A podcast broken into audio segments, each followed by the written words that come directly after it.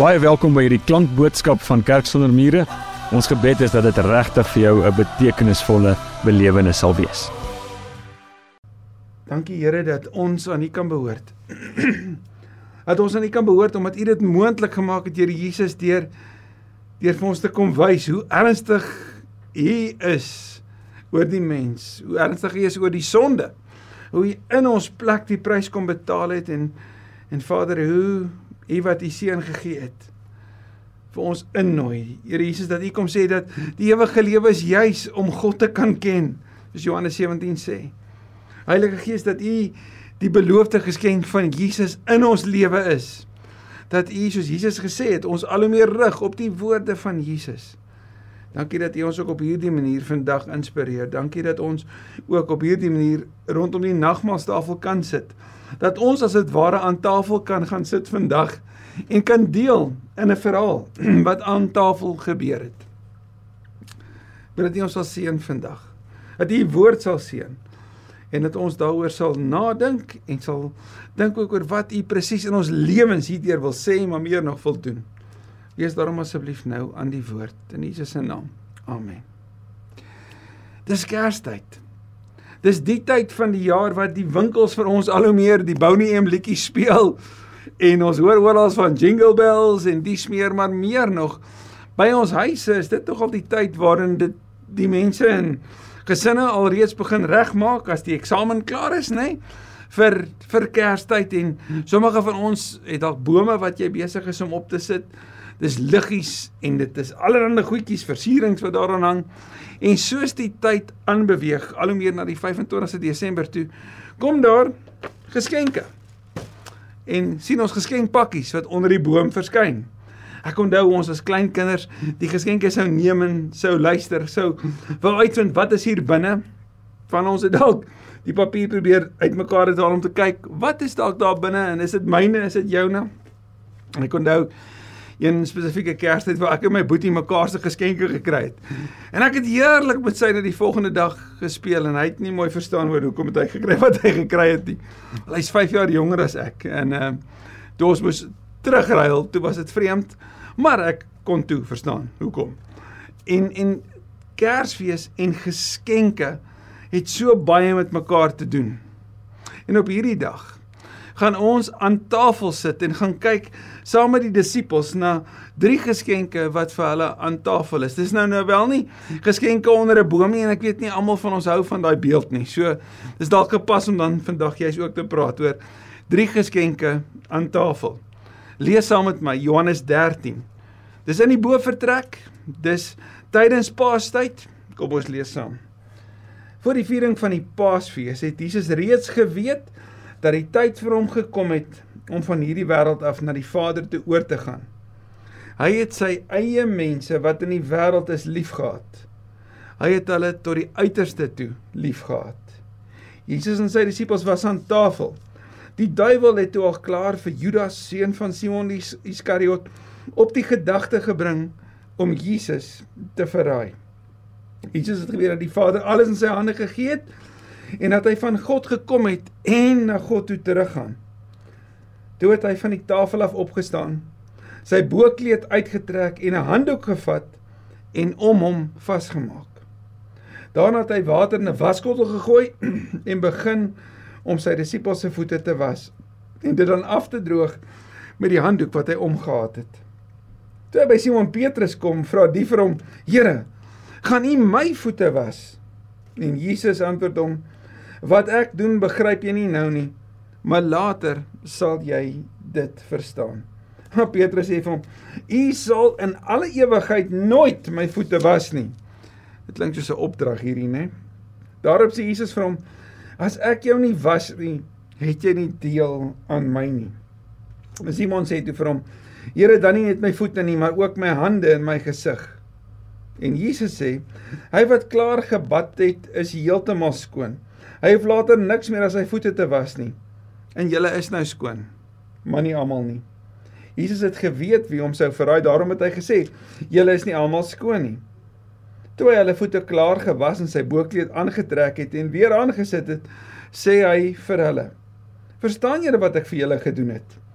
Julle noem my julle leermeester en Here, en julle is reg, want ek is dit. As ek wat julle Here en leermeester is dan julle voete gewas het, behoort julle ook mekaar se voete te was. Ek het vir julle 'n voorbeeld gestel. En soos ek vir julle gedoen het, so moet julle ook doen. Dit verseker ek julle, 'n slaaf is nie belangriker as sy eienaar nie en 'n gesant ook nie belangriker as die een wat hom gestuur het nie. Julle weet dit nou. Gelukkig is julle as julle dit ook doen. Vers 34: Ek gee julle 'n nuwe gebod. Julle moet mekaar lief hê soos ek julle liefgehad het, moet julle mekaar ook lief hê.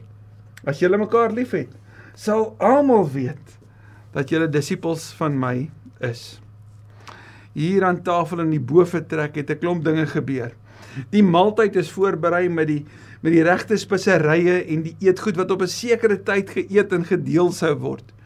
Dis feesvieringstyd. Die disippels het hierdie al 'n paar keer met Jesus beleef. Hierdie is die derde keer en hierdie keer in hierdie boefretrek het het Petrus en Johannes vooruit gegaan. En dit sou Petrus en Johannes se voorreg kon wees om langs Jesus te kon verskyn aan tafel.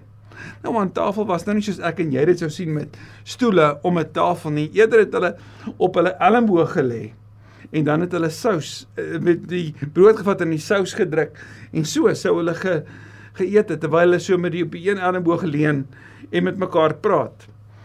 Wel as jy om 'n tafel sou sit, sou jy kon verstaan dat persoonlike higiëne daarom juist baie belangrik was want mense was nogal baie naby aan mekaar. Veral rondom voete. In die wêreld van die Bybel sou dit die verantwoordelikheid wees van die gasheer om te sorg dat die voete van die gaste gewas word by die deure. Daarvoor sou 'n slaaf of 'n diensmeisie aangestel word. Indien daar nie so 'n persoon sou wees nie, sou die vrou van die man, die eienaar van die huis, die voete gewas het. Maar in hierdie geval het niemand dit gedoen nie. So Jesus neem dan 'n rol in. Ek wil hy staan op van tafel af Hy staan op van daar waar hulle almal om die om die tafel gelê het en hy neem letterlik die rol van die slaaf in. En en wanneer hy by Petrus kom dan het Petrus hierdie skokkende woorde want hy verstaan nie wat hier gebeur nie. Ons sien hier om die tafel reg voor hom, voor hom en die ander disippels gebeur drie van die grootste geskenke. En ek wil graag hulle met jou deel. Die eerste geskenk wat hulle kry is die geskenk van Jesus se teenwoordigheid dat hy aan tafel is. En dis dalk iets wat ons van selfsprekend aanvaar of dalk is dit omdat dit bekend is vir jou en my. Maar hoor hierdie baie belangrike waarheid. Jesus is teenwoordig tydens Paastyd. Tydens die fees van die uittog. Want Jesus is daar om iets anders te kom wys, te kom vertel, te kom modelleer. Maar hy's teenwoordig. Maar sien ons lees dat dat God hierdie wêreld so lief gehad het dat hy sy enigste seun gegee het sodat elkeen wat aan hom glo nie verlore sal gaan nie, maar die ewige lewe sal hê. God het nie sy seun gestuur sê Johannes 3:17 na hierdie wêreld om die wêreld te veroordeel nie, maar om die wêreld te red. Ek en jy sal lees in Filippense 2 vers 5 tot 7 dat Jesus wat in die hemel was, wat wat as God sy bestaan op God gelyke wyse gehad het maar hy het nie dit beskou as iets wat hy aan homself moet vaskleef nie. Hy het dit verlaat. Het die gestalte van 'n slaaf aangeneem. Hy het onder ons kom woon en dan lees ons die die res van die gedeelte. Paulus sal begin daar in daai brief aan Filippense in hoofstuk 2. Dit sê julle moet dieselfde gesindheid hê as Christus. Jesus wat onder ons kom woon het. Die harde realiteit van Jesus se deelname aan die aan die seer van hierdie wêreld En hoekom ek sê harde realiteit is want in 'n wêreld wat vir ons hard en moeilik is en dit wat op die oomblik in die Midde-Ooste gebeur wat ons harte skeer en en en en en ons so ongelukkig maak en bekommerd maak natuurlik. Die harde realiteit daarvan is Jesus 'n deel van dit kom word. Hy deel kom word van ons wêreld en hy hy sit fisies aan tafel. Dis nie net 'n storie nie. Nee, die evangelie van van Christus is die mooiste nuus ooit want dit is die enigste evangelie, dis die enigste boodskap waar God kom deel word het van die wêreld van die mens. Dis nie die mense poging om heeltyd deel te word van God se wêreld nie, maar is andersom. Hy het onder ons kom woon en deur sy teenwoordigheid gee hy die grootste geskenk dat hy deel kom word het van ons wêreld. Want as volledig deel van ons wêreld, volledig sondeloos, kon hy die volledige prys kom betaal in ons plek. Die tweede geskenk wat ons hier in Johannes 13 sien is Jesus se voorbeeld. En dis omdat hy die eerste voorbeeld gestel het vir ons dat ons kan sê maar ons wat hom naleef, ons wat hom volg, want dis wat die woord disipel beteken, beteken ons wil hom nadoen. Die Grieke sou praat van mimetes, om dit te mimiek, om dit na te doen, om te doen soos wat jy gewys het. En Jesus het kom wys hoe dit moet wees. En wat is die eerste daad wat hy doen? Is hierdie daad van om die gestalte van 'n slaaf aan te neem. Soos wat Filippense 2 dit beskryf, so sien ons dit sigbaar in Johannes 13. Jesus wat sy bokkleed uittrek. Iets wat 'n gasheer nie sou doen nie. Iets wat jy nie sou verwag van die Messias nie. Hy trek dit uit. Hy neem die gestalte van 'n slaaf aan. Geen wonder Petrus was so verontwaardig nie. Ek is so bly Jesus het nie geluister na Petrus nie. Daar's 'n paar keer wat Jesus nie na Petrus luister nie. Onder andere toe Petrus vir hom reg in die begin gesê het: "Gaan weg van my af, Here, want ek is 'n sondige mens." Ook hier, wanneer Petrus sê: "U sal dit nie doen nie," sê Jesus vir hom en wanneer Jesus dit vir hom sê, dan begryp Petrus nie eers wat hy sê nie, maar Jesus modelleer dit wat binnekort sou gebeur aan die kruis wanneer Jesus sê as ek jou nie was nie, het jy nie deel aan my nie. En Petrus se se beskrywing of se se duidelike nie verstaan van wat hier gebeur nie, word sigbaar in sy woorde. Here, dan nie net my voete nie, maar my hele lyf. Ai, hoe sou Jesus hom nie juis was nie? Was in die bloed van die lam soos Openbaring sê, want ons is skoon gewas, gereinig van ons sonde, van ons skuld. Dis waarom Jesus ook vir hom in Johannes 21 drie keer kon vra, "Het jy my lief?" sien Petrus wat herstel is. Petrus wat vergewe is. Petrus wat genees is, wat skoon gewas is. Kan die rots wees waarop Jesus sy kerk bou. Wie se belydenis dat Jesus die Here is, kan juist dit wees waarop die kerk kon staan. Maar Jesus sê, hierdie voorbeeld wat ek vir julle stel, julle noem my Here Here en leermeester en julle is reg want ek is dit, maar die voorbeeld wat ek vir julle stel, julle moet my nadoen. En ons sien hoe die kerk dit doen, hoe hulle hulle huise oopstel, hoe hulle ander gaan dien. Jy sien in Petrus se eie lewe hoe hy sy huis oopgestel het, maar jy sien dit ook later in sy verkondiging van die evangelie, ook aan die heidene. Wanneer Petrus by by Kornelius aankom, iemand by wie geen Jood ooit sou kuier nie, dan kom hy agter maar die Here is aan die werk ook onder die heidene. Dan sê Petrus dit vir hulle en Petrus is ook die een wat sou gaan dien dan Handelinge 15 wanneer hy sê maar ons kan nie op die heidene iets van hulle las op hulle lê wat wat nie van Here afkom nie. En daarom moet ons weggee. En ons moet prys gee en ons moet sorg dat hulle net die goeie nuus glo en hoor. En Petrus is so ernstig oor die diens diensbaarheid van ander dat hy vir mense gaan besoek het en uiteindelik eindig hy ook in Rome en gee hy sy lewe daarvoor. Petrus sê in sy briewe vertel dat ons moet gereed wees om die evangelie te, ver, te verkondig. Ons moet gereed wees om 'n antwoord te gee as iemand 'n verduideliking eis. Ons moet weet dat God nie die die vervulling van sy belofte uitstel nie, maar hy wil nie dat enige iemand ge, verlore moet gaan nie. Almal moet gered word vir die Here. Dit is sy hart. So Petrus het hierdie verstaan. Hy sou dit leef. Die disippels sou dit hoor. Hulle sou hoor dat Jesus se se vooraf voete was het eintlik gedui op 'n latere skoon was aan die kruis. En Jesus sê soos ek, so ook julle. Maar hy vat dit verder. Ons sien in Johannes 13 vers 34 en 35 dat Jesus sê dat dat soos ek julle liefgehad het. Dis julle nuwe gebod. Die die die die Latyn is mandatum. Julle kry 'n nuwe mandaat, 'n nuwe gebod. En hierdie gebod is nie 'n versoek nie. Hierdie gebod is 'n verpligting. Soms dink ons nogal aan wanneer iemand jou iets vra asof dit 'n versoek is, nê. Nee. En 'n versoek kan jy nogal so 'n bietjie onderhandel mee.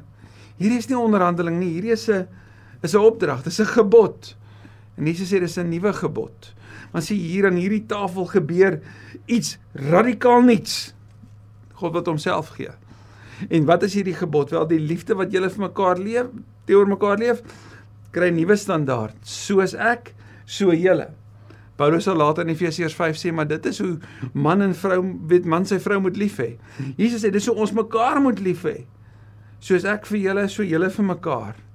En dan sê hy in vers 35: As julle mekaar so liefhet, sal ander mense weet dat julle my disippels is. En ons sien hoe geliefd hoe die gelowiges geliefdes van mekaar geword het, hoe vreemdelinge vriende en vriende familie geword het. Maar sien wanneer Jesus mense aan mekaar bind, dan kom daar iets sigbaar uit wat nie uit die mens self uitkom nie. Dan kan ander sien, hoorie maar dit wat jy het is so spesiaal en so anders. Jesus se voorbeeld en en sy voorbeeld is is 'n liefde vir almal. Jy gaan dit sien dan 1 Tessalonisense 5 byvoorbeeld. Wanneer Paulus sê ons moet die belange van almal op ons harte hê. So almal moet ons fokus wees. Ons kan nie net vir 'n spesifieke groepie lief hê nie of 'n spesifieke ehm um, mense wat wat met my weet gemeenskaplike belange het nie, maar vir almal. En julle moet mekaar so lief hê sodat mense kan weet dat julle my kinders is en hierdie liefde is gemaak om te deel. So die eerste is Jesus se teenwoordigheid. Die tweede is Jesus se voorbeeld.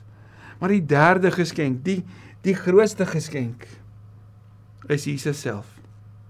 Want hy staan van die tafel af op en so sien ons dan 1 Korintiërs 11 as Paulus dit aanhaal, maar jy gaan dit in die evangelies ook sien. Dan sê Paulus: "Die Here Jesus het in die nag waarin hy oorgelewer is, brood geneem en en nadat hy God daarvoor gedank het, het hy toe hy dit breek, het hy vir hulle gesê hier is die Nuwe Testament. Hier is 'n nuwe gebeurtenis. Hierdie hierdie hier gebeur iets radikaal anders. Hier kom 'n offer na julle toe wat eens en vir altyd sal wees. Want hy sê hierdie is die die nuwe nuwe verbond. En en en kom ek lees dit vir ons soos wat 1 Korintiërs 11 vers 23 tot 26 sê. Die Here Jesus het in die nag voor hy oorgelewer is brood geneem en nadat hy God daarvoor gedank het, het hy dit gebreek en gesê: "Dit is my liggaam, dit is vir julle.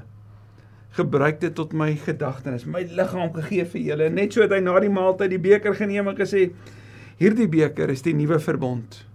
So Stefan Joubert, hierdie is die begin van die Nuwe Testament, die nuwe verbond wat deur my bloed beseël is.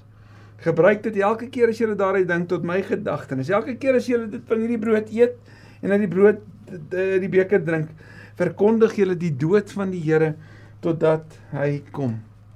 Die Hebreërs skrywer skryf later in Hebreërs 10 vers 12: Jesus het een offer vir die sondes gebring en vir altyd aan die regterkant van God gaan sit.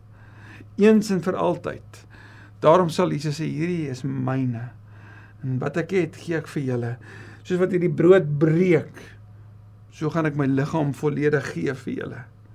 Jesus is die lewende brood en hy bied dit aan en hy sê kom eet, kom drink. Wanneer hy die beker neem, dan sê hy hierdie is my bloed.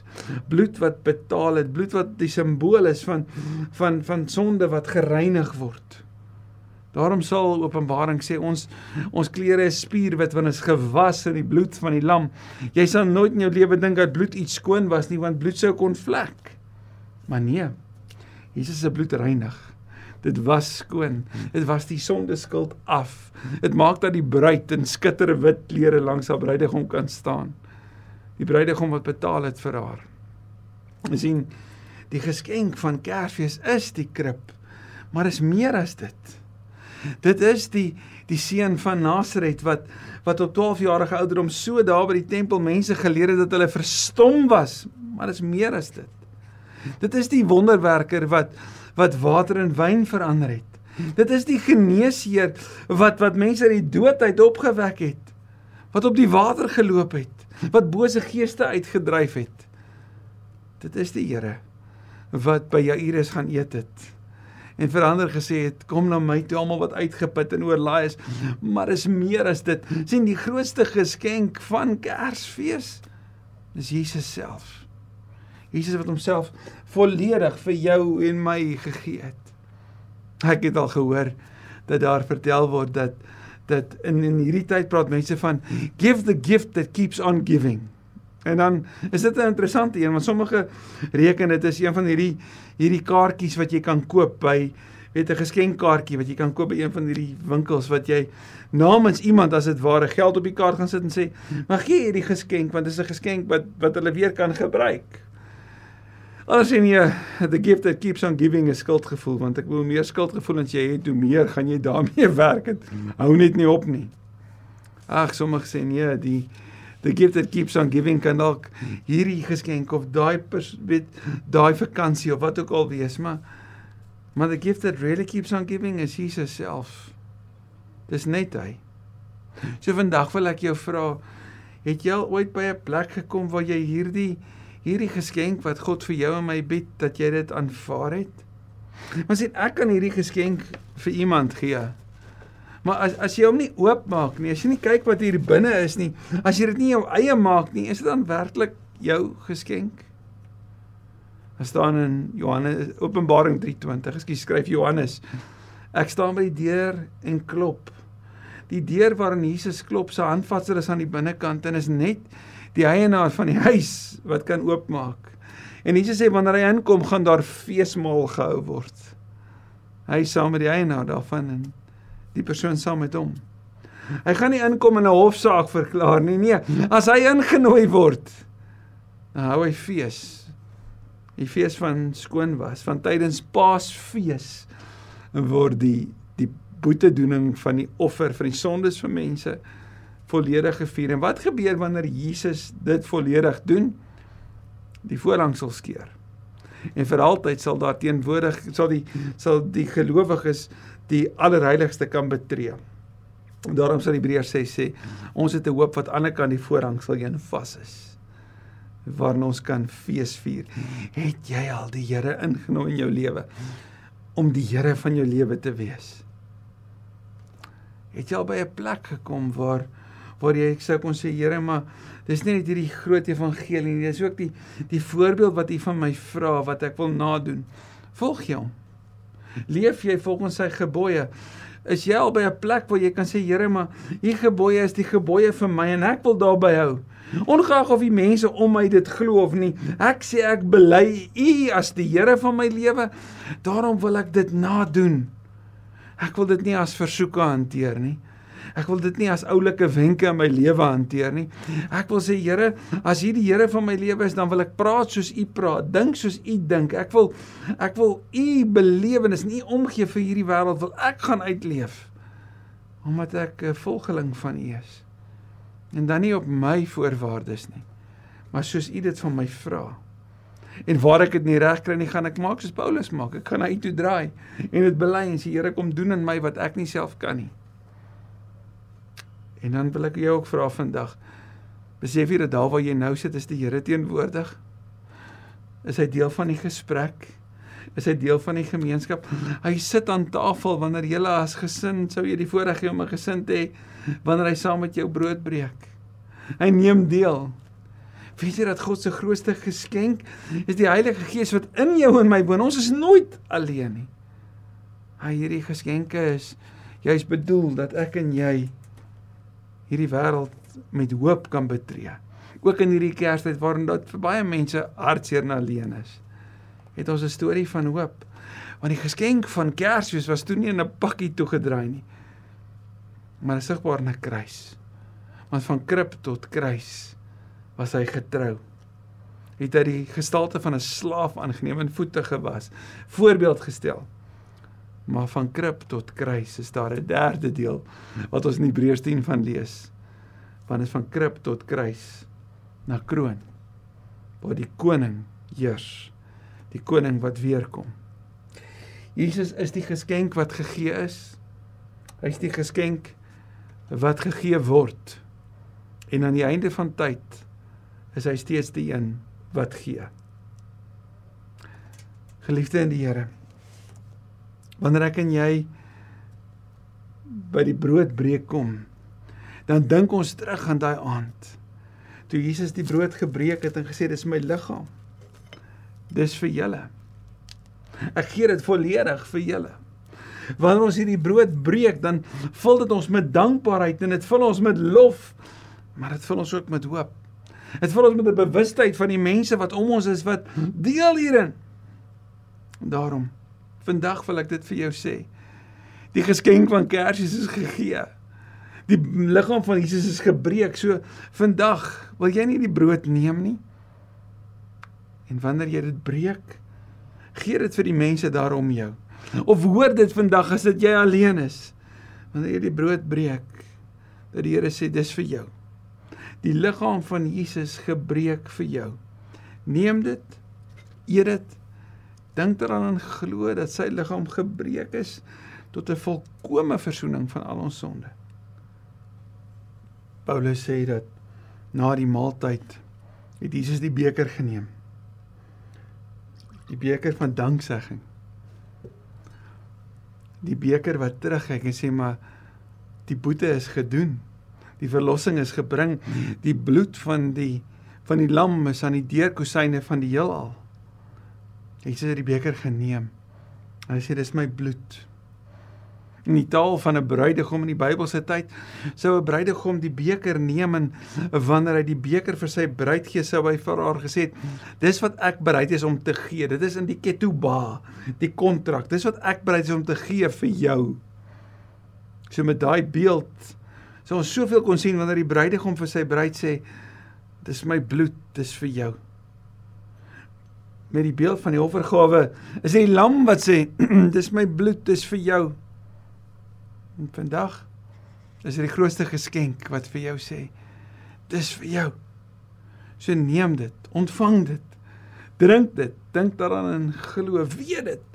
As sy bloed gevloei het tot 'n volkomme verzoening van al ons sonde. Baie baie dankie Here vir die geskenk van Kersfees. Dankie dat ons vandag die die die die grootste en beste nuus ooit kan vier ook by wyse van 'n maaltyd. Want dit soos wat u gesê het Here Jesus, elke keer as jy dit gebruik, moet jy dit dink. Ons moet onthou. Ons onthou vandag met soveel vreugde. En ongeag hoe hierdie wêreld om ons lyk, het ons rede vir hoop en ons wil vandag dit kom uitpas syn. Jesus die geskenk vir die wêreld. Dankie vir drie geskenke wat ons vandag kan vier. Mag ons dit onthou. Maar mag ons dit ook gaan deel. Naam van Jesus bid ek dit. Amen.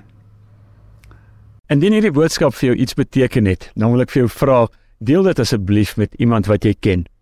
En moet asseblief nie vergeet nie, ons sal jou bitter graag wil verwelkom by ons in-persoon eredienste op Sondag.